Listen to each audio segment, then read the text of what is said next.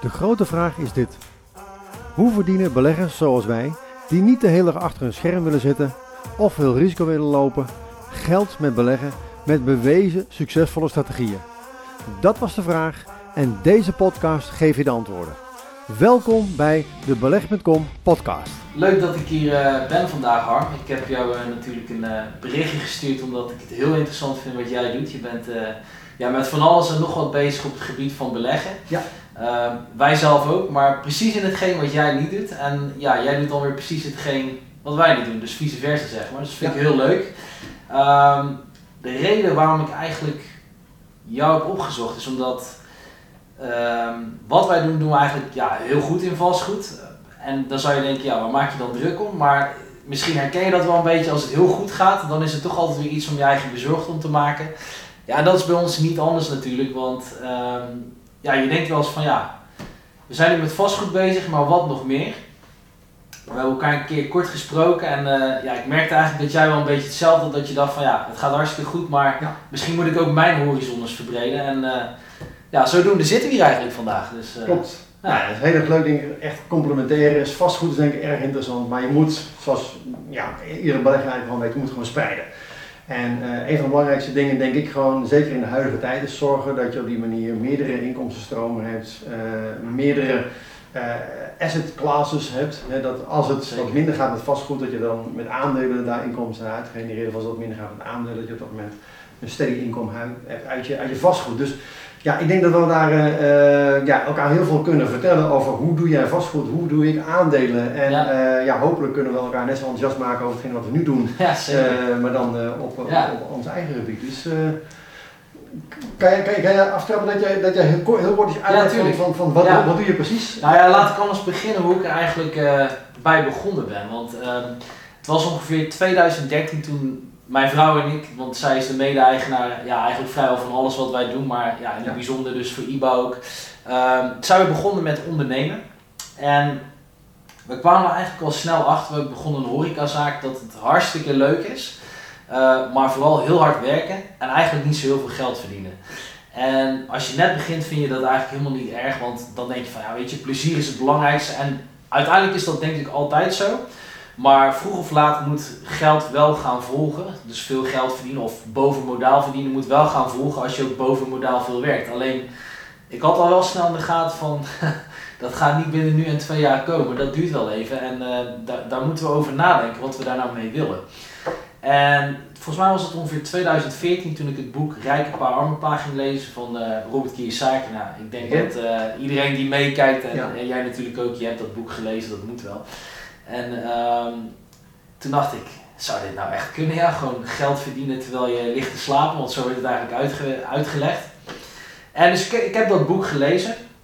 Ik heb het aan mijn vrouw Chantal uitgelegd en die, uh, die deed eigenlijk echt zoiets van, uh, ben je al wakker Marijn of lig je nog te slapen? Dat kan toch helemaal niet wat je nou vertelt. En eigenlijk liet ik dat een beetje links liggen, totdat ik toch weer een beetje gefrustreerd raakte over het verdienmodel dat we met onze business hadden. En uh, ja, dan kom je dus op zo'n klassiek moment dat als de pijn groot genoeg is, dan, uh, ja, dan wordt de motivatie ook groot genoeg. Dus uiteindelijk probeerde ik haar toch weer ja, mee te krijgen in mijn verhaal. En dat lukte niet. En toen zei ik, nou lees dat boek dan in ieder geval. Nadat ik het gelezen had. En toen ging ze het lezen. En toen gingen haar ogen eigenlijk ook wel een beetje open. Van ja, weet je, er is meer dan alleen maar hard werken. We moeten gaan beleggen.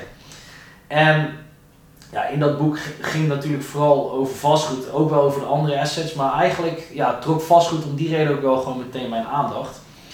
In 2015 hebben we ons eerste uh, beleggingspond gekocht in Nederland, in onze woonplaats Tilburg. En ehm, ja, dat is hartstikke leuk, maar aan zo'n pandje hou je nou, 3 tot 400 euro per maand over. Dat is fijn, maar het verandert je leven niet. Dus uh, we hadden wel zoiets van, ja, we moeten wel meer panden bijkomen, want dit gaat er niet worden. Nou, fast forward in 2019 zaten we op 13 panden.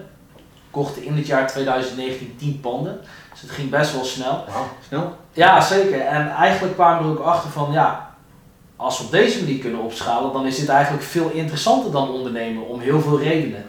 En uh, nou, uiteindelijk heeft dat ons tot doen besluiten dat we ons eigenlijk alleen maar wilden focussen op vastgoed. Alleen wat je dan krijgt is dat mensen ook zien van hé, hey, wat jullie doen is best wel interessant, kun je me dat uitleggen? En zo is eigenlijk onze onderneming IBA ontstaan waarin wij ja, startende investeerders tot uh, redelijk gevorderde investeerders begeleiden om een vastgoedportefeuille te kunnen laten groeien. Dus dat is eigenlijk een beetje in een hele, hele kleine notendop wat wij doen. Ja. En um, ja, wat mij het meeste aanspreekt aan vastgoed, waar, waar, wat ik gewoon heel fijn vind, is dat het redelijk passief is.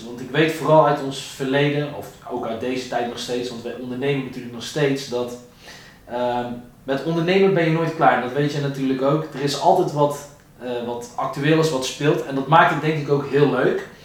Uh, maar dat is ook wel de oorzaak van de, de, de soms extra koppijn die je krijgt bij het ja. ondernemen.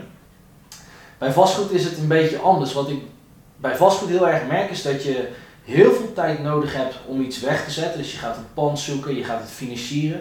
Dus heel veel irritant papierwerk. Maar als het dan eenmaal staat, dan uh, hoef je eigenlijk bijna niks meer te doen. Tot, tot het punt dat je denkt van het is saai, weet je, want er gebeurt ja. eigenlijk gewoon niks. Maar dat is wel denk ik in de balans met ondernemen heel prettig. Dus dat, uh, ja. ja, dat is eigenlijk in een notendopje wat wij, uh, wat wij doen. Ja. Dus, ja, fascinerend. En ik denk ook, want de meeste mensen dromen er gewoon van ja, een passief inkomen. En, Ja. Maar heel weinig mensen nemen ook de stappen om daadwerkelijk gewoon daar te komen. Ja, En ik denk dat, ja, ook wel heel herkenbaar hoor, met ondernemen is het bij mij ook gewoon een kwestie van, heb je eigenlijk gevonden hoe het werkt?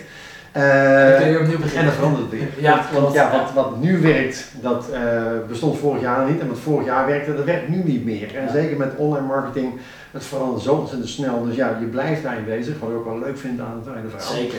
Ehm, met aandelen, ehm, ja, daar heb ik ook weer heel veel mogelijkheden. Dus daarom ben ik erg enthousiast geworden, want alles wat er gebeurt in de wereld, heeft invloed op de aandelenbeurs. He, van vliegtuigen die in torens vliegen tot sigaren eh, van Monica Lewinsky. En je kunt het gek niet bedenken, alles heeft een impact. Ja. En dat vind ik ook wel heel fascinerend. Ik heb, ook, ik heb in Tilburg gestudeerd, dus ik ken Tilburg ook eh, vrij goed. Ja. En eh, daar leer ik in ieder geval ook over aandelen en hoe je daar een inkomen mee kunt genereren. En eh hij sprak ook van, van Warren Buffett, die mij ook aan het denken heeft gezet. Van, eh, al, eh, als je geen eh, geld verdient terwijl je slaapt, dan moet je werken tot aan je dood. Klopt, ja. En dat is ook wel een van de dingen dat ik dacht van ja, maar ik wil niet blijven werken tot aan mijn dood. Ik wil Mogen werken is prima. Precies, maar dat is een Ja. keuze. En eh, dan heb je wel die vrijheid om dat te kunnen doen. Maar je kunt ook op een gegeven moment gewoon een keer zeggen, nou weet je wat, nu gewoon even niet. Ik ga nu eventjes lekker op vakantie, ik ga nu even genieten van mijn kinderen, ik ga nu eventjes lekker sporten. Want heel veel mensen zitten gewoon in die rat race. Hè? Ja, dat is dat boek van, van, van Ja. eh, Rich Dad Poor Dad gewoon komt. Eh, en want heel veel Heel mensen... veel mensen weten nog niet eens dat ze in de red race zitten, totdat ze begrijpen dat, ze, dat er een red race is. Klopt, klopt. En ze blijven vaak in hangen, want dan ga je meer verdienen. Hè, Je krijgt eh, een salarisverhoging. En wat doe je dan? Je koopt een duurdere auto. Je koopt een groter huis. Je gaat vaker op vakantie. En uiteindelijk ja, moet je op dat moment nog weer harder gaan rennen in het molentje. Eh, en, dan, en dan denk je aan het einde van het jaar, ja, wat heb ik nu eigenlijk gewoon helemaal eh, gepresteerd? Wat, heb ik nu, wat ben ik nu opgeschoten ten opzichte van het jaar daarvoor? En eh, op het moment dat je gewoon zorgt dat je net iets minder uitgeeft en daar een buffertje gaat bouwen en met, met die buffer aan de slag gaat, ja, gaat het op een gegeven moment natuurlijk, ja, wordt het gaan compounden. Hè? Dan, Einstein noemde dat het achtste wereldwonder. Dat vind ik Ja. het mooiste aan het hele verhaal.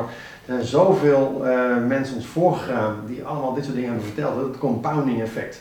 Einstein zei, degene die compounding begrijpt, verdient eraan. En degene die het niet begrijpt, die betaalt het. Ja, ja, Dus heel veel mensen die hebben natuurlijk gewoon, eh, ja, kopen een huis, hebben een hypotheek en blijven op die manier eigenlijk, hè, betalen drie keer eigenlijk de waarde van het huis eh, door middel van de, de, de rente en aflossing gewoon terug. Omdat ze gewoon niet begrijpen hoe het compounding effect werkt. Maar als je het omdraait en je kan geld lenen en daar vastgoed van kopen en daar genereer je inkomen uit, dan betaal je eerst gewoon ja, je, je, je, cashflow vanuit je rente, je aflossing, je vaste lasten. En je houdt er nog wat over. En ja, ik vind het ook heel fascinerend dat jij gewoon zegt, je hebt er eentje gedaan eh, en daarna gewoon gaan uitbreiden. Want heel veel ondernemers merk ik ook, eh, die hebben iets gevonden wat werkt. En wat ze dan gaan doen, ze gaan iets anders doen. Ja, In plaats van meer doen wat werkt. ja. En dat is eigenlijk gewoon heel raar, omdat het je ook wel triggert natuurlijk om dan wat andere dingen te doen. Maar ik denk wel, ehm, je moet op een gegeven moment je verdiepen in een bepaalde materie, dat je op een bepaald niveau komt. En je zegt, oké, maar ik heb het nu in de vingers, ik heb het nu gemasterd. En dan kun je denk ik op een gegeven moment een stapje erbij doen. En ik denk Ja. dat ik voor mezelf ook wel, ik heb voorzichtig wel wat gedaan met vastgoed. Maar ik wil ook gewoon wel die volgende stap gaan maken. En zeker wat er allemaal nu gebeurt in de wereld. Eh, ik denk dat het heel verstandig is om ervoor te zorgen dat je assets koopt. Hè? Dus eh, een verschil tussen een asset en een liability is het uh, de kaststroom. Hè, dus het iets van een positieve kaststroom genereert in plaats van hè, koop een huis en blijf daar continu uh, je maandkast aan, aan uh, betalen. Blijf werken voor je huis. Ja, precies. Dan blijf je werken voor je huis, voor je, je leaseauto, voor... Uh, Alles wat weer een maatje groter is. Ja, ja, En, en, en, ja, en daar zit uiteindelijk denk ik ook op een gegeven moment de vrijheid in. Op het moment dat jij gewoon zorgt dat jouw positieve kaststroom groter is dan de, jouw maandelijkse lasten, dan kom je op een gegeven moment op een punt dat je van ja, nou nu kan ik ook gewoon ja. dingen doen die ik leuk vind. En dingen die je leuk vindt, daar ben je vaak weer goed in. En waar je goed in bent, daar kun je weer veel aan toevoegen, waardoor je op die manier meer geld kunt gaan verdienen. Klopt helemaal. Dus uiteindelijk, ja, denk ik, we moeten gewoon zorgen dat we gewoon uit die red race komen. We moeten gewoon gaan zorgen dat we datgene kunnen gaan doen waar we uh, ja, het meeste waarde kunnen gaan toevoegen. En ik denk dat jij dat hebt gevonden samen met Chantal in vastgoed. Ik heb dat in gevonden in, in aandelen. En mij lijkt het heel erg leuk om, comparing notes, om te kijken je hebt er een mooi boek over geschreven over vastgoed. Ik heb een mooi boek geschreven over beleggen aandelen. Om te kijken van hoe kunnen wij elkaar nu uh, inspireren en leren. Wat, wat uh, zodat je ja. sneller door die hele leercurve komt. Want wat, wat is jouw nummer één tip als je gaat beginnen met vastgoed? Um, nou kijk, wat, wat wij dus veel zien is dat um, heel veel mensen beginnen met heel veel euforie. En, uh, en dan kunnen ze heel de wereld aan. Maar wat we ook merken is dat op het moment dat we een fantastische deal vinden, en ja, voor degenen die niet weten wat dat inhoudt, we spreken heel vaak uh, over onder de marktwaarde aankopen. En wat dat eigenlijk betekent is dat, stel je voor dat dit huis op een miljoen getaxeerd wordt, dan wil je in de ideale wereld in ieder geval nooit meer dan een miljoen betalen, maar het liefst altijd minder. Nou, wat daar een groot voordeel aan is, is dat, uh, en dat is ook wel grappig, dat heel veel mensen denken dus dat je heel veel kapitaal moet hebben. Maar wat wij altijd zeggen is, nou, je, je moet dat eventjes anders definiëren. Je hebt heel veel kapitaal nodig, alleen het hoeft niet jouw kapitaal te zijn. En uh, dan hoor je mensen denken van ja, maar ik heb te weinig geld. En dan denk je ja, ik ook. maar dat is ook helemaal niet het probleem. Je hebt eigenlijk altijd maar twee uitdagingen iedere ochtend. En dat is wie zijn vastgoed ga ik kopen en wie zijn geld ga ik daarvoor gebruiken. Ja. En het is een illusie om te denken dat als je 20 panden of 30 panden hebt of 300 panden hebt, dat je genoeg geld hebt. Want er is gewoon nooit genoeg geld op jouw rekening. Want in de ideale wereld zorg je altijd dat je geld weer opnieuw geïnvesteerd wordt. Dus dat is een uitdaging die wij ook altijd hebben. Um, het mooie is dat je dus sneller kunt groeien met vreemd vermogen door te hefbomen. En wat nog veel mooier is, is dat, dat je dus ook nog minder vreemd vermogen hoeft in te brengen. Want als je dus een pand van een miljoen bijvoorbeeld voor 9 ton koopt en je kunt op basis van een miljoen 80% lenen, dan hoef je geen 2 ton er nog bij te zoeken, maar nog maar 1 ton. Dus dat is altijd de kunst om zo scherp mogelijk in te kopen. Ja. Um, dus ja, dat zou denk ik mijn nummer 1 tip zijn. Of misschien eigenlijk mijn nummer 2 tip. Want mijn nummer 1 tip is begin er niet aan totdat je gewoon er vooral genoeg van weet. En um, ja, je, ja, weet je, je kunt uh, op eigen onderzoek gaan of je kunt net zoals dat wij nu bij elkaar zitten, gewoon van iemand leren die het, uh, die het trucje heeft gedaan. Dus ja. Ja. daar zit ik ook graag bij jou aan tafel. Ja, ik vind het ontzettend leuk en, en ik, ik vind het ook heel inspirerend om die manier gewoon ook te kijken dat je je, je, je, ja, je kennis vergroot door inderdaad gewoon te modelleren wat werkt. Hè, in plaats van zelf het wiel proberen uit te vinden. Uh, gewoon aan tafel te gaan zitten met iemand die dat uh, pad heeft gelopen, Zeker. die boven op die berg staat, waar jij naartoe wil. En gewoon zegt van nou, ik ken alle uh, valkuilen onderweg naar die berg.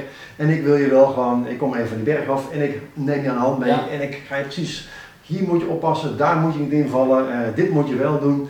Want dat is gewoon super waardevol. Dan kun je veel sneller die berg opkomen. Want hoe lang heeft het geduurd voordat jij uiteindelijk gewoon ja, bent waar je, waar je nu bent, zeg maar, die berg ja, opgelopen bent? Nou, kijk, um, dat is een leuke vraag. Kijk, die berg, die, uh, elke keer als je denkt dat je op de top bent, dan, uh, dan, dan, dan, heb je een nieuwe top bedacht, zeg maar. Dus uh, dat herken je denk ik wel. Ja. Um, nou, kijk, toen wij in 2014 um, is het zaadje geplant. Hè? Toen hebben we het boek Rijke Paar Arme Paar gelezen. En ik denk dat we in 2014 ook voor het eerst echt met doelstellingen zijn gaan werken. Dus we hebben echt opgeschreven van, hé, hey, wat willen we nou eigenlijk bereiken? En ik weet nog dat mijn eerste doel was om in 2023, dus dat is nu pas over een jaar, om 10 panden te hebben. Nou, we hebben er nu, eind dit jaar zitten we op 29 tot 30, dus ja, dat hebben we iets sneller gedaan dan, uh, dan we toen dachten. Ja. In 2016 schreef ik al op dat het in 21 10 panden moesten zijn. Nou, uiteindelijk hadden we in het jaar 2019 kochten we in één jaar tijd 10 panden. Um, nu ben ik wel een beetje van die panden uh, aantallen afgekomen, omdat dat toch een soort van ego is. Het gaat eigenlijk vooral om de cashflow. Maar op dat moment was dat een, uh, een graadmeter. Dus nu is eigenlijk onze volgende stap, ons volgende uh, ja, doel, onze bergtop is om 15.000 euro netto per maand cashflow te, te, genereren. We zitten nu ongeveer op 8,5. En uh, ik denk dat we dat binnen anderhalf tot twee jaar tijd kunnen halen. Uh, maar het spelletje verandert wel. Precies zoals je zegt, als je denkt dat je het trucje begrijpt, dan moet je het trucje toch weer opnieuw uitvinden. Um, enerzijds omdat het oude trucje minder goed werkt. Anderzijds omdat ik ook gewoon een, uh, een prikkel nodig heb. Dus wat we tot nu toe altijd hebben gedaan zijn panden kopen. Panden scherp inkopen. Dus dan moet je denken aan een waarde van 110, 120.000 euro. Maar 90 tot 95 betalen. Waar we nu eigenlijk meer op zoek naar zijn en waar we ook mee bezig zijn is, uh, en voor degenen die dat interessant vinden, we hebben daar ook nog wat YouTube tutorials over, dus zou ik zeker kijken. Wat we nu dus doen is eigenlijk bestaande panden kopen met een andere functie. Dus we hebben bijvoorbeeld in Lepelstraat een bakkerij gekocht. Zijn we bezig met de gemeente om te kijken of we daar negen appartementen van kunnen maken. In Landgraaf hebben we een uh, kapperszaak gekocht met een kantoor. Nou, het kantoortje gaan we plat gooien, willen we zes, appartementen bouwen. Dus dat zijn uh, hele leuke dingen, ook wel weer grote uitdagingen, want ja, je gaat dus weer iets doen wat je eigenlijk nog niet helemaal begrijpt. Nou, een van die factoren waar we nu mee te maken hebben is de stijgende grondprijzen, grondstoffenprijzen. Ja. Dat maakt het niet minder interessant, maar wel heel uitdagend, want je moet nu echt gaan nadenken van ja, uh, leuk dat we nu met die berekening in 2021 aan de slag zijn gegaan. maar de prijzen in 2022 zijn een beetje anders. Hoe gaan we daarmee om? Ja. Dus dat, uh, ja, dat zijn zeg maar de uitdagingen waar we tegenaan lopen. Tegelijkertijd is het ook weer zo dat omdat alles duurder wordt, wordt jouw project wat je dus ontwikkelt ook duurder. Ja. En dan zit je alweer bijna na te denken van hé, hey, is het dus eigenlijk niet alleen al interessant om een plan te verkopen? In plaats van een uh, ontwikkeld project. Ja. Want ook ontwikkelaars die hebben interesse in plannen die goedgekeurd zijn door de gemeente. Ja. En dan kan je zomaar 2 tot 3 ton op een object verdienen. Terwijl je eigenlijk alleen maar een nieuwe tekening met de vergunning hebt uh, verkregen. Dus dit, uh, wij zitten echt in een nieuwe, een nieuwe fase. Ik denk ook dat we het zelf ook heel erg nodig hebben qua prikkel. Um, maar om eventjes naar onszelf terug te gaan, um, waar wij eigenlijk ook een beetje mee zitten, is dat als je met niks begint, en misschien herken je dat wel, dan heb je eigenlijk geen enkele vorm van angst. Want ja, je denkt, ja, ook al verlies ik, ik heb toch niks om te verliezen, dus wat maakt het uit als ik verlies? Ja. Uh, nu zijn we een paar jaartjes verder en ja, we hebben toch wel een leuk kapitaal op weten te bouwen. En nu begin ik toch iets meer te denken in, nou, veilige havens is niet helemaal het juiste woord, maar ik wil wel proberen het risico uh, te beheersen. Ja. Uh, hoe we dat doen is eigenlijk denk ik door te kijken van hey, dit is onze vastgoedportefeuille, ongeveer 5 tot 5,5 miljoen waard op dit moment. Um, en daaromheen hebben we eigenlijk niet zo heel veel. We hebben bijna geen goud, we hebben geen aandelen, we hebben bijna geen crypto. Je zou kunnen zeggen dat meer dan 99% van ons vermogen in vastgoed zit. En ja, ja. dat zit ook goed vast, zeg maar. Dus uh, ja, we zijn nu echt aan het kijken van hé, hey, wat gaan we nou doen? Hoeveel procent gaat waarin? En dat weten we eigenlijk nog niet. En um, wat we alleen wel weten is dat het gewoon, we moeten wat gaan spreiden. En dat betekent helemaal niet dat we gaan stoppen met vastgoed. We willen zelfs, ja, over twee, drie jaar willen we 50 units minimaal verhuren. Ja. Uh, maar daarnaast ook aandelen en ook crypto en ook edelmetalen. Ja. Dus, uh, ja, zeker in deze tijd denk ik ontzettend belangrijk, want je weet niet wat er allemaal gaat gebeuren. Hè? Maar dat er heel veel zaken gaan veranderen, ja, zoveel is denk ik voor de meeste mensen wel duidelijk. Uh, we hebben natuurlijk gewoon sinds de jaren 80 eigenlijk een rente gehad die eigenlijk alleen maar daalde. Ja. Waardoor de vastgoedprijzen omhoog gingen. Uh, waardoor er ook weer heel veel bedrijven goedkoop konden lenen. Waardoor de aandelenbeurs ook weer flink is, is opgelopen. Maar we zien langzamerhand natuurlijk wel dat er zoveel geld is bijgedrukt. Dat de inflatie oploopt, waardoor de rente oploopt. Wat weer allerlei gevolgen heeft voor hypotheekrente, voor bedrijven die aan het lenen zijn. Allerlei lockdowns hebben weer een impact op de hele economie. Consumentenvertrouwen, bestedingen. Dus uiteindelijk heeft het natuurlijk gewoon enorm veel impact. En ja, waar moet je nu je geld in stoppen? Is dat nu een aandelen? Is het nu een stenen? Is het nu een crypto? Is het nu een goud en zilver? Ja. goud en zilver levert niks op. Hè? Uh, het kost alleen maar geld om het op te slaan in een kluis. Klopt. Maar ja, het is wel, ze noemen het ook wel de money of kings. Hè? Dus het houdt wel zijn koopkracht. Ja. En uh, dus daar, ik ben ook aan het kijken van hoe zorg je nou voor dat je een goede balans maakt uh, en je ook wel in, uh, ja, in bepaalde zaken gaat verdiepen van hoe werkt crypto nou? Uh, Wat is crypto? Is het nou lucht? Hè? Wat, heel, wat Warren Buffett altijd, ja, altijd Voor 25 dollar zou hij het nog niet willen hebben. Nee, nee. maar ik geloof dat hij nu wel aan het kopen is. Dus wat dat betreft wel grappig. Oh, Eerst had ik al het goud verketterd en nu is hij geloof ik ook goud aan het kopen. Ja. Dus hij moet ook wel, want hij houdt zoveel cash aan dat hij, ja dat, dat is ook een onhoudbaar verhaal denk ik. En hij ziet natuurlijk ook wel dat de aandelenkoersen ook wel flink zijn opgelopen uh, in zijn algemeen. Want ik denk dat er altijd kansen zijn. Want dat is denk ik ook gewoon een van de uh, tips die ik wil meegeven als je gaat beleggen. Ga gewoon kijken uh, waar de kansen liggen. En op dit moment weten we bijvoorbeeld, er is een olieboycott, er is een gasboycott. Dat betekent dat de olieprijs, gasprijs omhoog gaan. Je hebt waarschijnlijk hier komen rijden, een aantal tankstations gezien. En uh, bijna ieder tankstation dat je voorbij rijdt, zijn de prijzen alweer hoger aan, aan het worden, voor mijn ja. gevoel. Maar dat betekent dus ook dat de winstmarges voor de oliebedrijven oplopen. De ja. LNG-bedrijven uh, spinnen die gaan nou, bij. Het is, wel, het is wel grappig dat je dat zegt, want ja, toen ik hier aan kwam rijden, je zag mijn auto, ik rijd elektrisch. Ja. En ik heb nog een elektrische auto besteld, dus vind dat wel grappig dat je mensen wordt klaar van ja, het wordt onbetaalbaar duur. En dan denk ik, ja, maar als je dat weet, of je gaat elektrisch rijden, ja. of je gaat geen auto meer rijden, of je gaat nu in olie investeren. Maar nu doe je echt helemaal niks. Terwijl er ja, je zegt gewoon dat er een kans is, alleen je ziet alleen een probleem. Dus Ja. het begint ook allemaal bij mindset wat dat betreft. Klopt. En ik denk dat er heel veel mensen ook gewoon, als inderdaad gewoon een soort, soort, soort konijn in de koplamp ja, aan het kijken zijn van wat gebeurt er Wow, hij komt op me af, maar wat doe ik nu? En ondertussen, ik kreeg volgende week ook een brief van, van eh, mijn energiemaatschappij. Van eh, nou, we gaan eh, jouw energietarieven verhogen. Dus ik kijk eventjes goed. Dan 100% stijging gewoon. Ja. Dus, ehm, maar als je dus inderdaad gewoon investeert in olieaandelen, LNG-aandelen, aardgasaandelen, maar bijvoorbeeld ook gewoon in, in kopermijnen. Koper is nodig om elektrische auto's te maken, om windmolens te maken. Ehm, eh, als je nu bijvoorbeeld ook gewoon investeert in, eh, in graanbedrijven, hè, want we weten door eh, de hele supply chain problematiek lopen de graanprijzen op. Nou, Alles komt uit Oekraïne toch? Ja, ja, nou heel veel, dat is de graanschuur van Europa. Ja. Dus nou, dat, dat, in dat, Hè? eh, Dus- dus- ja, wel ja. dus, dus, dus in die zin, nou, het heeft in ieder geval een invloed op, op, Ja. op de prijzen. Maar ehm, ik denk dat het interessant is om te kijken, wat zijn nu de trends? En hoe kun je er gewoon gaan zorgen dat je daar gebruik van maakt? Hè? Ja, want hoe, ja, ik bedoel, ja, je, je analyseert een probleem en dan weet je, oké, voor een probleem moeten er oplossingen komen. Ja. Maar wanneer weet je nou precies van, oké, dit is echt, dit is echt een langdurig probleem? Want ik weet ook bijvoorbeeld dat een paar jaar geleden ehm, de olie op boten in de havens lag. En dat was volgens mij de oorzaak dat de prijzen maar bleven dalen. Maar hoe weet je dan toch zeker van, we gaan toch weer olie gebruiken, ondanks dat het nu weer heel logisch is? Ja. Hoe weet je dat op zo'n moment? zeker weten doe je niks.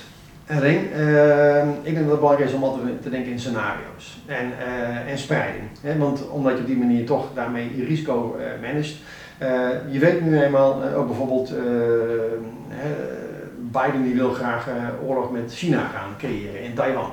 Er is een oorlog in onze achtertuin in de Oekraïne. Nou, defensieindustrie is ook erg interessant, want hè, twee tanks schieten elkaar overhoop, er moeten nieuwe tanks worden Ja. gemaakt. Ja. Raketten worden afgevuurd, er moeten nieuwe raketten worden Ja. gemaakt. Overigens ook, daar moet je wel voor kiezen om dan te willen investeren in de defensieindustrie, want niet iedereen wil het ook. Maar even als voorbeeld.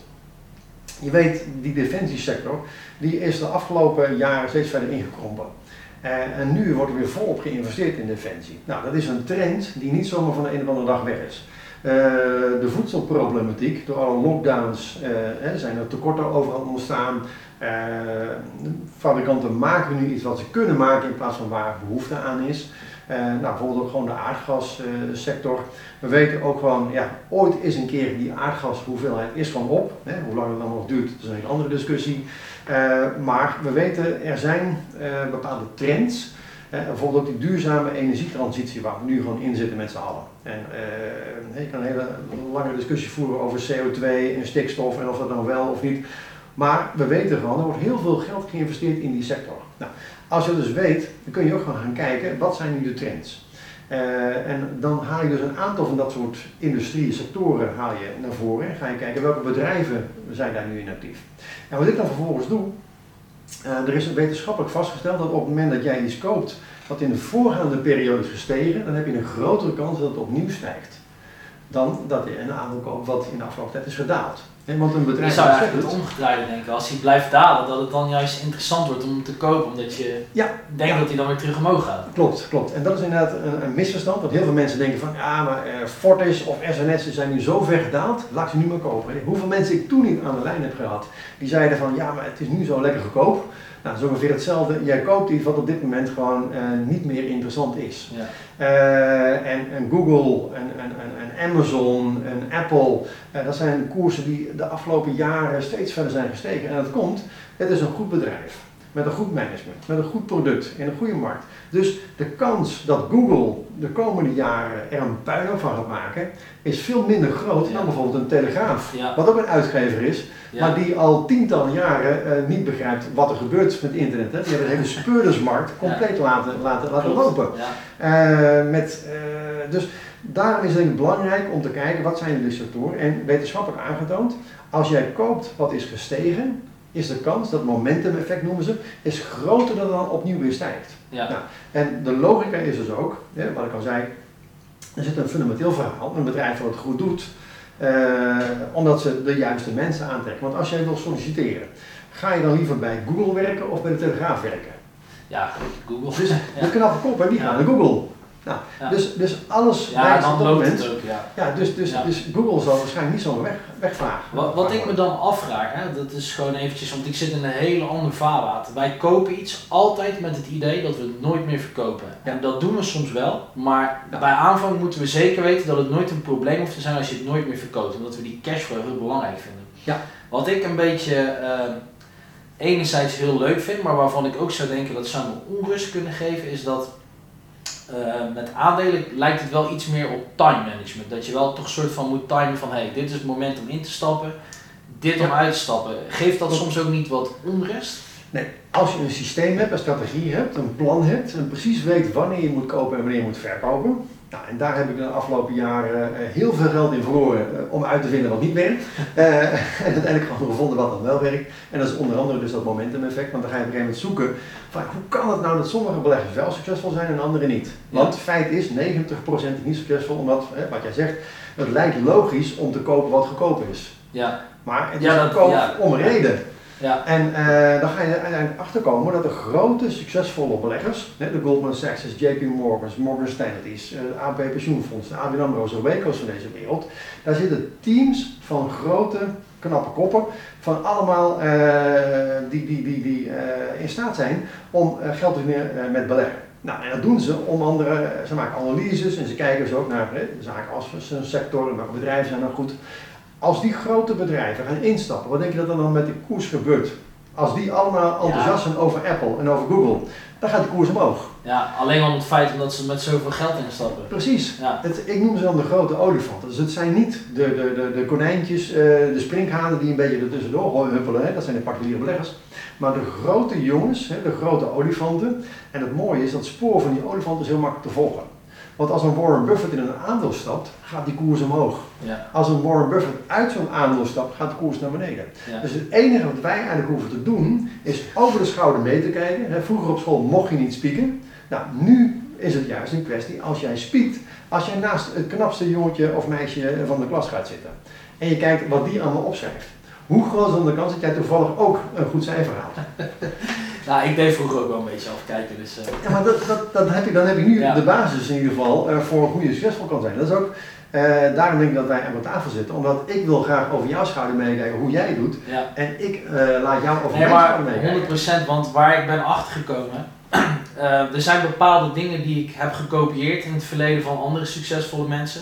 En ik ben ook wel eens eigenwijs geweest, wat soms ook goed was hoor, want soms leer je er echt veel van dat je denkt van, ja ik heb het echt goed eh, gezien. Maar je hebt het ook wel eens dat je denkt, ah nee, ik had niet eigenwijs moeten zijn. Ja. Dus ik denk dat dat, eh, maar dat was denk ik mijn eerste tip ook gewoon, probeer het ook niet zelf uit te vinden, maar zorg dat je gewoon bij iemand terechtkomt die daar wel eh, verstand van heeft. Ja. Ehm, hoe zou jouw ideale mix eruit zien? Want ik probeer die balans voor mezelf op te stellen. Wat ik wel voor ons weet is dat wij voor meer dan de helft, maar ik weet dan niet of dat 70 of 75 of 80 procent is, in vastgoed willen blijven. Ja. Maar over die laatste 20 tot 30 procent ben ik aan het nadenken. Hoeveel Ja. aandelen, crypto, eh, edelmetalen, hoe, hoe zou dat voor jou eruit zien? Ik denk, uh, als je kijkt naar de grote beleggers, die zeggen over het algemeen, je moet het gewoon uh, spreiden over 25% in aandelen, 25% in vastgoed, 25% in goud en 25% in, in cash. Nou, ik, op dit moment cash is trash. Hè? Ja, uh, wordt zoveel geld bijgedrukt. Dat is niet echt interessant om nu in dollars of in, in, in euro's, uh, als je kijkt hoe snel dit nu gaat, gaat, gaat uh, de geldontwaarding is. Ja. Hè? Dus 12% inflatie in, in Nederland. Zeggen ze. Officieel, precies. Ja, precies ja. maar gaan we eens een keer denken, gaan we eens een keer boodschappen doen, dan denk ik dat je erachter komt dat het misschien net iets meer is. 8% in Europa, in Amerika is het 6%, maar de geldontwaarding is verder maar nog groter. Dus ja. Maar cryptocurrency is denk ik interessant. Dus ik zou zeggen 25% van in iedere asset class. Zodat je op die manier ook uh, flexibel bent om te zeggen, oké, ik ga nu wat uh, vastgoed wat, wat fors is gestegen misschien een stukje in crypto doen, een stukje in goud doen. En goud levert niks op, maar het houdt wel zijn waarde. Ja. En dat is denk ik ook wel een van de belangrijkste dingen, want je wil uiteindelijk, ja. ik denk dat je moet vergelijken, er zijn ongeveer twee uh, zaken naar je moet kijken. Je hebt aan de ene kant heb je zeg maar gewoon de cashmarkt. Aan de andere kant heb je de assetmarkt. Nou, als je verwacht, er wordt heel veel geld bijgedrukt en de assets, die zijn allemaal, de activa zijn allemaal in waarde gestegen, dan komt er op een gegeven moment een moment dat die assets gaan dalen. En dan wil je uiteindelijk gewoon zorgen dat voor die daling een deel van je assets in cash zit, zodat op dat moment jouw cash uh, op, de, op hetzelfde niveau blijft. En dan koop je weer, als die assets laag zijn, dan ga je het uh, deel van die cash weer overhevelen naar assets. En dan koop je voor pennies van de dollar, koop je misschien een huis, een aandeel, uh, goud, wat op dat moment dan in waarde is gedaald. Om weer te zorgen dat je weer profiteert van die stijging in die assets. Ja. Zodat je op die manier eigenlijk twee communicerende vaten hebt. En, en, maar als we het over cash hebben, je zegt net al, cash is trash. Hebben dan, zien we cash dan in het breedst van de zin? Dus hebben we dan, bedoelen we met cash ook goud en bijvoorbeeld crypto? Ja, goud zou je ook op die manier als een cash kunnen zien. Hè? Uh, ze noemen uh, goud ook wel de uh, money of kings. Hè? en goud is duizenden jaren zeg maar, gewoon als, als, als, als geld gebruikt. tot in 1973 in alle wijsheid besloten dat we het loskoppelen van de goudstandaard, omdat we een oorlog aan het voeren waren in Vietnam die net iets duur was geworden dan, ja. dan begroot. of het dan ging heel goed niet. Het ging fantastisch. het ging fantastisch. Uh, er stond tot 1973 stond op de achterkant van een dollarbiljet stond redeemable in gold. Dus je kon met jouw bankbiljet kon je naar de Federal Reserve, naar Fort Knox, kon je aankloppen, knock knock, Fort Knox, en dan kon je op dat moment jouw dollarbiljet omwisselen in goud. Tot op een gegeven moment Nixon zei van ja, als iedereen dat nu gaat doen, dan hebben we een probleem. Dus we gaan een greenback uh, gaan, gaan we creëren. Een, een dollarbiljet met een groene achterkant. En daar staat in plaats van uh, redeemable in gold, dan halen we die L er even uit en we zetten in God we trust.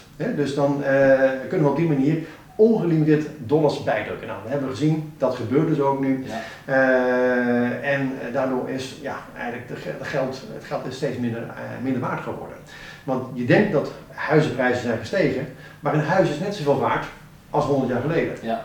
Alleen, uitgedrukt in funny money, in, in dollars, in euro's, ja, is het gewoon eigenlijk gewoon helemaal niks meer waard.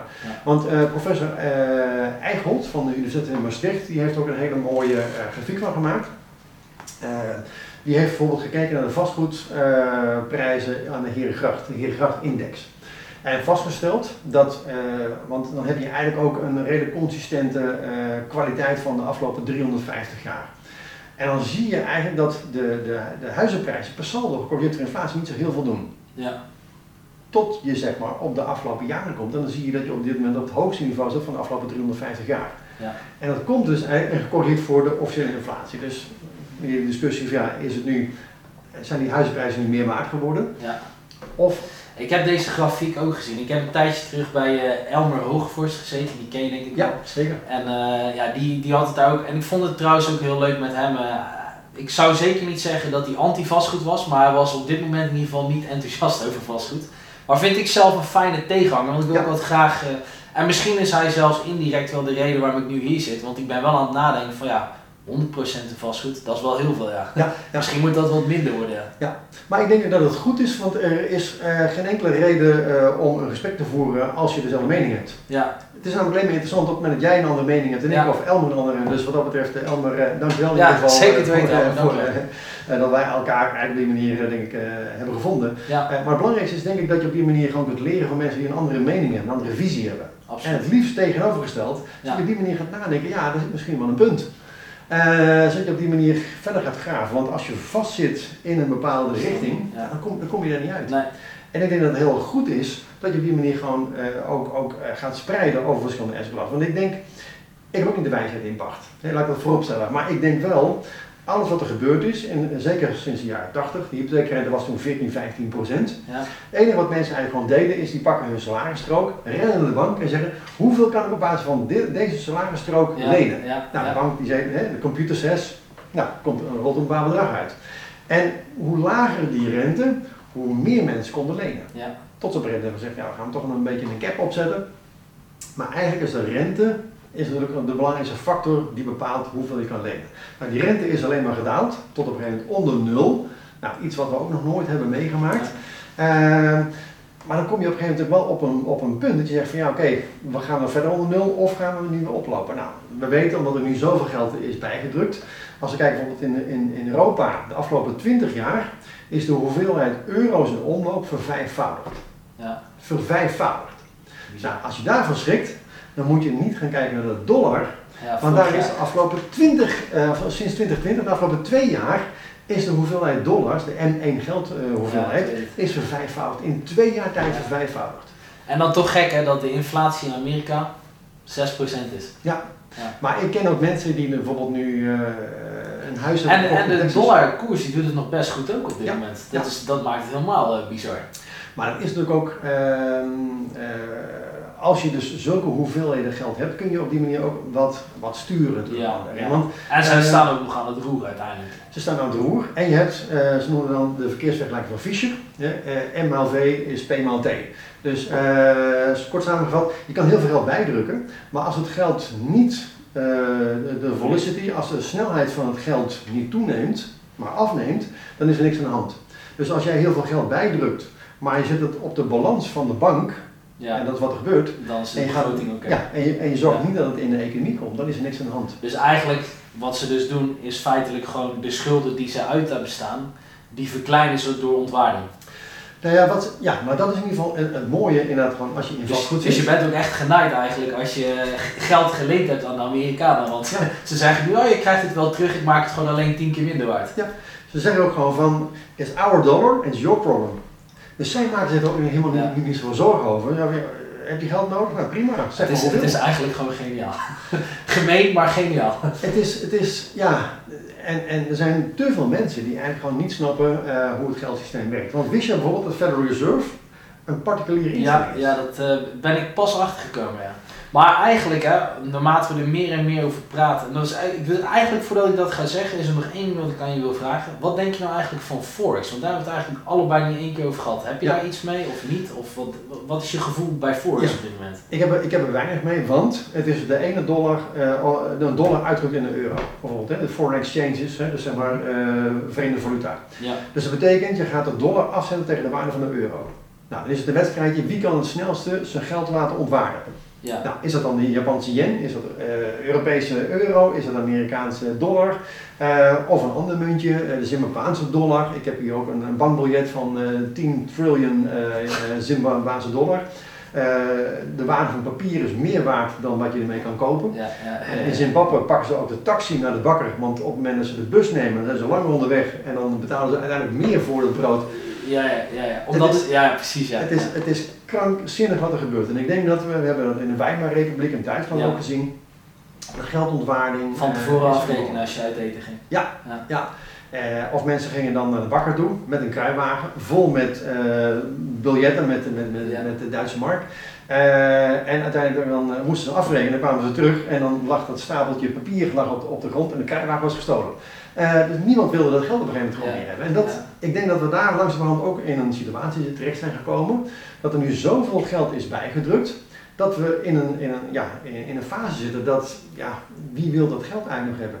En dan zijn die assets wel heel belangrijk, want dat genereert wel een inkomstenstroom. Dus daarom ben ik ook wel geïnteresseerd in het vastgoed, Ja, om op die manier te kijken, eh, ja, hoe zorg ik er nou voor? Want ik weet toch gewoon, de aandelenbeurzen, ja, die, die zullen volatiel blijven. Ja. Eh, En dat is eigenlijk goed ook, toch? nou ja, precies. Van eigenlijk, kijk, een aandelenkoers zegt mij alleen iets. eh, wat vinden we met z'n allen dat Google waard is? Nou, Ja. Jij in je eentje kan niet een inschatting maken wat is Google waard. Dat kan ik ook niet.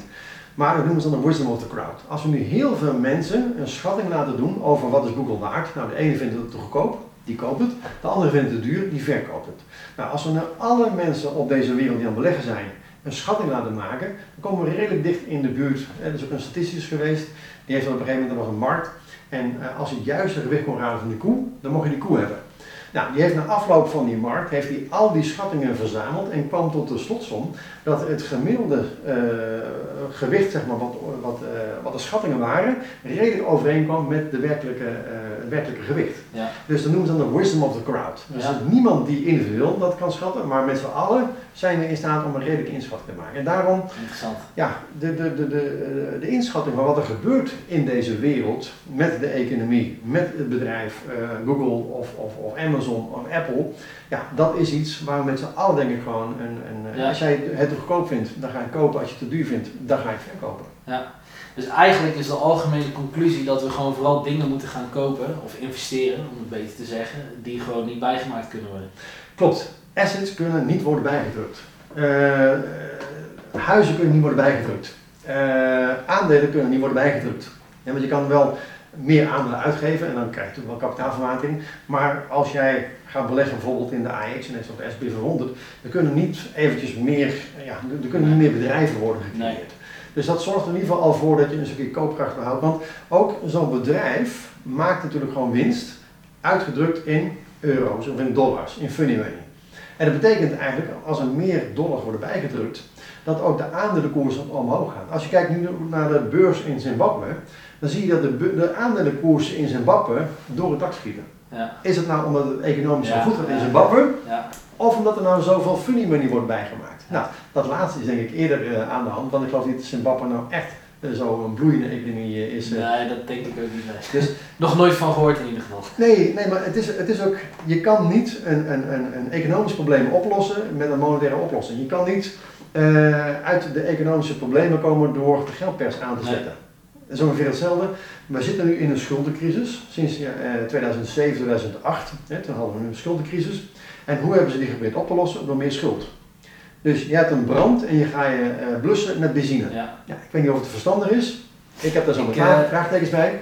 Ik heb het boek van Ray Dalio gelezen. Ehm, ehm, ik ben even de titel kwijt. Zwart boek met eh, een rood lijntje. Maakt voor de rest niks uit. Misschien kunnen we hem nog even eh, erin plakken. Maar ehm, wat daar eigenlijk in staat is dat elk empire op dezelfde manier eh, ehm, gebouwd wordt. Maar ook altijd vrijwel in dezelfde klassieke methode in zijn eindfase komt. En dat is als het eigenlijk niet meer houdbaar is. Dus door het geld te ontwaarden, uit te rollen eigenlijk. Ja. Zodat je langer kunt rekken. Maar iedereen weet gewoon op het moment dat dat gebeurd is, dan is het einde. En ik denk ook wel, eh, als we dat even naar het huidige tijdperk verlengen, dat dat ook misschien wel een beetje eh, een reflectie is van wat de Amerikanen gewoon heel bewust doen. Ze weten gewoon dat het einde eraan zit te komen. Ze moeten gaan overdragen, maar Ja. ja, ze proberen dat gewoon nog 20 of 30 jaar te rekken. En ik denk ook als we vanuit het Europese perspectief kijken, we weten gewoon, ja, weet je, die oude gezegdes zijn waar. Als hun niezen, dan worden wij verkouden, dus wij gaan mee. Ja, ja. Nou, en het is ook, eh, er is geen enkel fiat geldstelsel. Want fiat geld betekent eigenlijk gewoon, jij hebt geld eh, en dat je op de bank, 1000 euro. En de bank mag op dat moment dan 10.000 euro uitlenen. Nou, eh, zolang niet iedereen dan die 1000 euro komt ophalen, gaat het goed. Ja. Ze weten gewoon, een groot deel blijft nu eenmaal gewoon op die plan staan, dus dat is prima. Maar er is nog nooit eh, een fiat geldstelsel geweest wat al langer 100 jaar heeft volgehouden. Klopt. Eh, de Federal Reserve is opgericht eh, net voor eh, 1900, ik geloof in 1898, eh, even uit mijn hoofd, Jekyll Island. Dus het bestaat al 120 plus jaren. Dus we zitten eigenlijk al gewoon in de verlenging. Ja, Dus de kans dat dit fiat geldstelsel nog heel veel jaren meegaat, is niet zo Ja. groot. En dat zie je eigenlijk wel een beetje als je kijkt naar die balans van de Federal Reserve. De Federal Reserve koopt nu alles op. Alles wat los en vast zit. Obligaties van bedrijven. Eh, het maakt er allemaal niet uit wat je doet. Als jij een obligatie, de Federal Reserve koopt het op. En daarom gaat die balans van die Federal Reserve steeds groter en groter en groter. Omdat ze ook gewoon weten, ze zitten in een doodlopende straat. ja, En ze kunnen niet terug. nee, Dus het enige wat ze nu proberen te doen is nog meer gas geven om te kijken of ze dan door die muur heen kunnen. ja, Ik denk dat het niet, niet gaat lukken. nee. Eh, Maar als het wel kan, dan heb je gewoon het, de, de spouwmuur en de volgende muur staan. Dus je gaat hem hoe dan Ja. ook een keer eh, tot stilstand Je, krijgen. je, je kunt niet eh, eh, dit economisch probleem oplossen met meer geld. Je kunt niet meer geld gaan bijdrukken en dan. Want als dat de oplossingen zijn van alle economische problemen, waarom hebben we dat niet veel eerder gedaan dan? Maar ik denk dat wel het mooie is, is dat als we dit begrijpen, en dat doen we blijkbaar allebei, dan, dan weet je dus ook van hé, hey, hoe verder hun uitrollen en hoe meer wij nu meeliften, Ja. hoe beter we daar eigenlijk uit kunnen komen. Want zelfs als er dan een reset komt, en of je dat dan de big, de great of gewoon alleen maar een geldreset wil noemen, maakt Ja. niet uit. Ja. Maar als die er is, dan kun je die rit nog wel meepakken nu. Nou, maar ik denk dat ook eh, het interessante is aan dit moment. Er is een enorme transitie van, van, van waarde op dit moment aan, aan de hand. We hebben ook in de afgelopen jaren gezien dat de Amazons, de Googles, de Facebooks eh, van deze wereld, die hebben ontzettend veel geld verdiend. Eh, want iedereen ging online shoppen met zijn Apple-telefoon, eh, zocht even op Google, eh advertenties met online business en dergelijke. Dus die hebben heel veel geld verdiend. Terwijl aan de andere, de papa-mama bedrijven, de, de, de winkel hier om de hoek, de restaurants en dergelijke. die, die, die betalen de rekening. Precies. Ja. En ik denk dat in de, in, de, in de komende jaren er een nog grotere tra- transitie plaats gaat vinden van mensen die zeg maar niet snappen wat er aan de hand is, naar de mensen die heel goed snappen wat er aan de hand Ja. is. En op het moment dat jij op dit moment ligt te snurken, ja, dan heb je een probleem. En dan word je op een gegeven moment wakker in de wereld dat je zegt van you will own nothing. Hè? Eh, nou, die voorspellingen zijn al gedaan door eh, eh, bepaalde mensen die eh, eh, wat aan de touwtjes trekken hier en daar. En het punt is denk ik dat je op dit moment, als je goed in de gaten wat er gebeurt en je gaat je goed positioneren en eh, je, je bent ook flexibel en daarom is het denk ik ook belangrijk, want wat je ook gewoon zei, vastgoed zit ook goed vast. Ja, En dat betekent op het moment dat jij eh, wat meer li- liquiditeit hebt in jouw vermogen en je kan gebruik maken van die bewegingen en je kan mee op die golven van, eh, van alles wat er gebeurt. Want ik weet ook niet, gaat cryptocurrency het nu wel of niet? Hè? Gaat bitcoin nu wel iets, iets worden of niet iets worden? Geen idee. ja. Ehm, maar ik weet wel dat de, de, de blockchain technologie heel interessant is. Eh, ik weet ook dat bitcoin niet kan worden bijgeprint. Ook weer Nee. zo'n verhaal. Het Ja. is schaars. Hè? Er zijn er eenmaal zoveel bitcoins. Er zijn er waarschijnlijk al heel veel verloren gegaan. Ehm, maar het wordt niet bijgedrukt. Dus het is een store of value. Nou, of het een goede store of value is, dat weet ik niet. Maar ik weet wel, het is een betere dan dat jij eh, bankbiljetten onder jouw matras eh, gaat, gaat Ja. opslaan. Want ja, dat wordt sowieso eh, uiteindelijk. Ieder fiat geldstelsel gaat uiteindelijk gewoon terug naar zijn intrinsieke waarde. Hè? Ja. Dus de waarde waarop gedrukt is, namelijk papier. Dus het gaat uiteindelijk gewoon naar de oud papierprijs. ja. Mooie uitspraak. Dus, en het punt is denk ik, op het moment dat jij, eh, en trouwens de dollar is geloof ik gedrukt op, op katoen, eh, dus, dus gaat Dat is nog iets maar- meer. maar uiteindelijk is het gewoon niet heel veel meer waard. Want het is uiteindelijk gewoon, als jij vertrouwen hebt in dat muntje, dan ben jij bereid om dat te wisselen voor iets waarvan Ja. jij van mening bent dat meer waarde heeft. Bijvoorbeeld een huis, bijvoorbeeld een aandeel in een, in een, in een bedrijf. Op het moment dat jij zegt van ja, mhm, ik hoef het niet meer, hè, computer says no, ik wil het niet meer, want het wordt ongelimiteerd bijgedrukt. Dan krijg je op een gegeven moment natuurlijk gewoon dat de Ja. waardes van die asset gewoon meer op gaan lopen. Dus of dat nu in deze fase cryptocurrency is, of dat nu goud is, is dat nu vastgoed, is dat nu aandelen, dat weet ik ook niet. Maar ik weet wel, door te gaan spreiden, en ik heb 25% in vastgoed, 25% in aandelen, 25% in goud, 25% in cryptocurrency, dan weet ik, ja, dan kan ik op die manier een beetje, eh, ja, eh, Flexibel. Door, door die storm. En dan als ik op een gegeven moment gewoon zie van, hé, hey, het gaat goed met vastgoed, dan ga ik misschien wat meer in vastgoed. Als ik eh, zie dat die aandelenbeurzen het, het gewoon goed doen, en ik denk dat, en dat is wat ik ook zei, er zijn namelijk altijd sectoren die het goed doen. Hè? Op dit moment is dat olie, is dat gas, is dat koper, is dat eh, bijvoorbeeld defensieindustrie. Eh, vorig jaar was dat bijvoorbeeld de techsector. Hè? Maar inmiddels zijn de koersen van, van de Facebooks en de Netflix weer net zo hard naar beneden gegaan Ja. dat ze vorig jaar zijn gestegen. Eh, dus daarom moet je wel een systeem hebben, een strategie hebben, een plan hebben hoe je dat gewoon doet. Ja.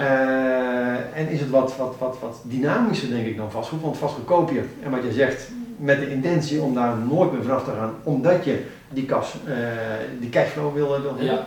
Maar uiteindelijk denk ik, wil je wel gewoon flexibel zijn door op dat moment met je potjes te kunnen gaan schuiven. ja. Hè, een stukje misschien in cryptocurrency, dat je zegt, ik ga er bijvoorbeeld in eh, USDC stoppen. Hè, dus zo'n in, een, eh, in, in een cryptocurrency die wel flexibel is en dus gelinkt is aan de dollar. Maar geen Terra USD.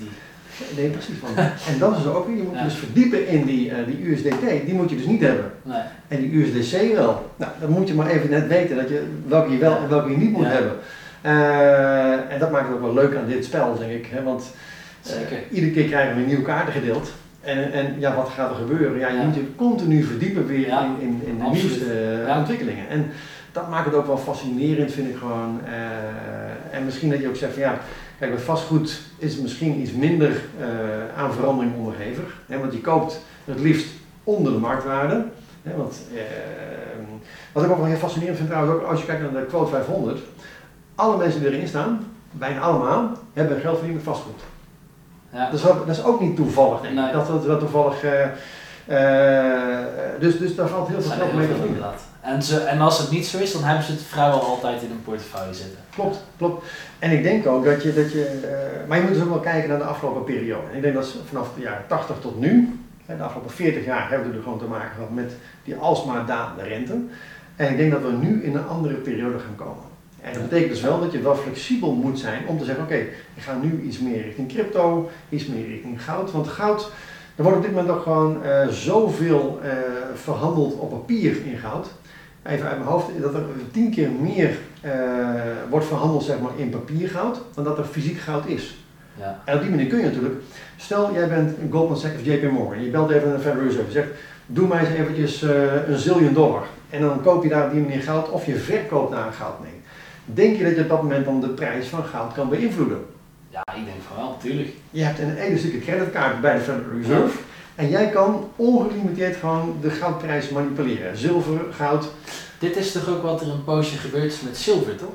Op de, de Hunt Brothers. Die hadden op een gegeven moment de zilvermarkt gecornerd. Die hadden inderdaad, uh, ik weet niet misschien wanneer, ik dacht ergens in de jaren 80 even uit mijn hoofd, of misschien in de jaren 70 nog wel.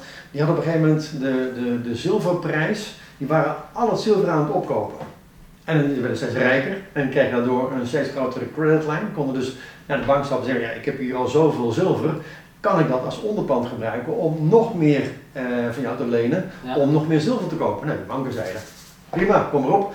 Uh, dus die kochten alles op wat, wat, wat los en vast zat aan zilver, tot ze op een gegeven moment uh, ja, in hun eigen voet hadden geschoten. En ja, toen heeft de wal het schip gekeerd. Ja. En toen ging ja, de Hunt Brothers toch in ieder geval een kopje onder. Dus, ja. um, dus daarom denk ik ook, het houdt een keer op. en daarom denk ik ook, uh, de goudprijs kun je manipuleren. En die zit al uh, lange tijd onder de 2000 dollar per troy ounce. Een troy ounce is ongeveer 31 gram. Ja. Uh, maar ja, je kan dat niet ongelimiteerd blijven, blijven doen, denk ik. Kijk ook naar nu bijvoorbeeld de centrale bank in Rusland, centrale bank in China. Wat zijn die aan het doen? Ja, die kopen goud. Ja. Zijn dat nou de domste jongens? Nee. Snappen die nu wat aan de hand is?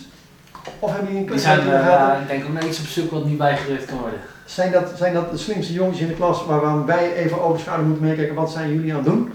Nou, ze zijn in ieder geval met iets bezig en het is niet gek om, uh, om daar eens even ja, bij mee te gluren, denk ik. Dat denk ik ook wel, ja. Alleen het punt is natuurlijk wel, wat ik al zei, kijk, goud levert geen, uh, geen, geen cashflow op. Hè? Het levert geen rente op, geen dividend, geen huur. Het kost geld. Om, het kost alleen maar geld. Om, om, te hebben, in principe. Je moet het stallen en als je ja. er genoeg van hebt, dan kost het echt wel wat, ja. Maar wat als je het nu koopt? Voor bijvoorbeeld 2000 dollar en volgend jaar verkoopt voor 20.000 dollar. En je gaat op dat moment dan weer omruilen in vastgoed.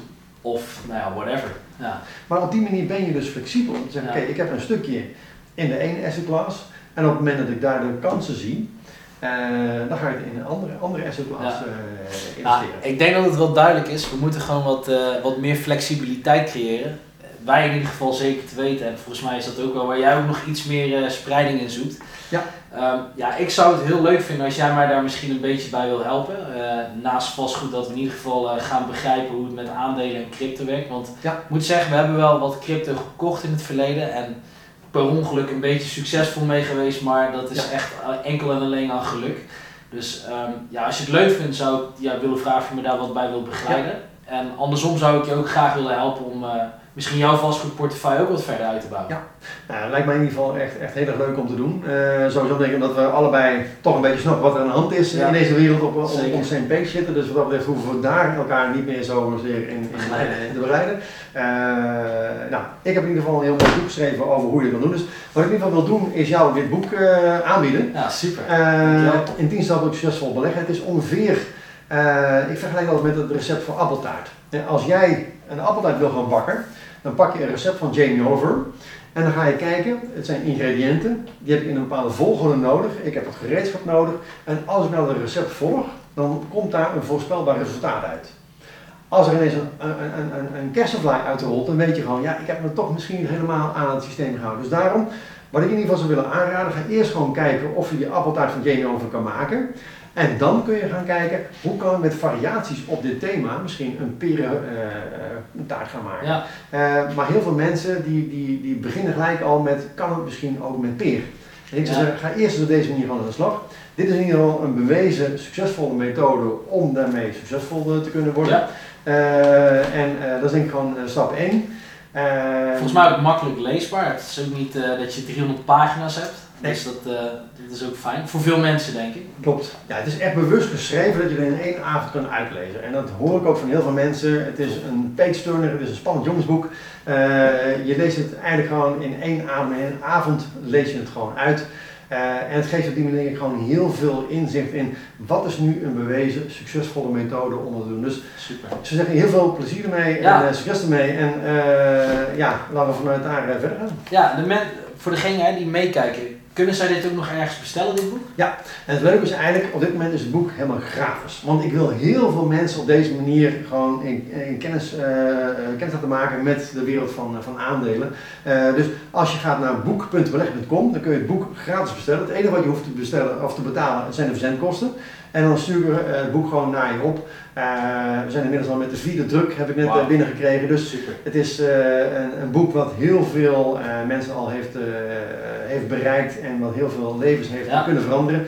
Maar nog lang niet iedereen. Ik weet dat er 2 miljoen beleggende huishoudens zijn in Nederland. En niet iedereen heeft het boek nog. We weten dat 90% ja, ja maar 29% doet het namelijk gewoon op basis van gevoel, op emotie. Of komen de buurman tegen. De buurman zegt, ik heb Tesla gekocht. Een auto? Nee, aandelen.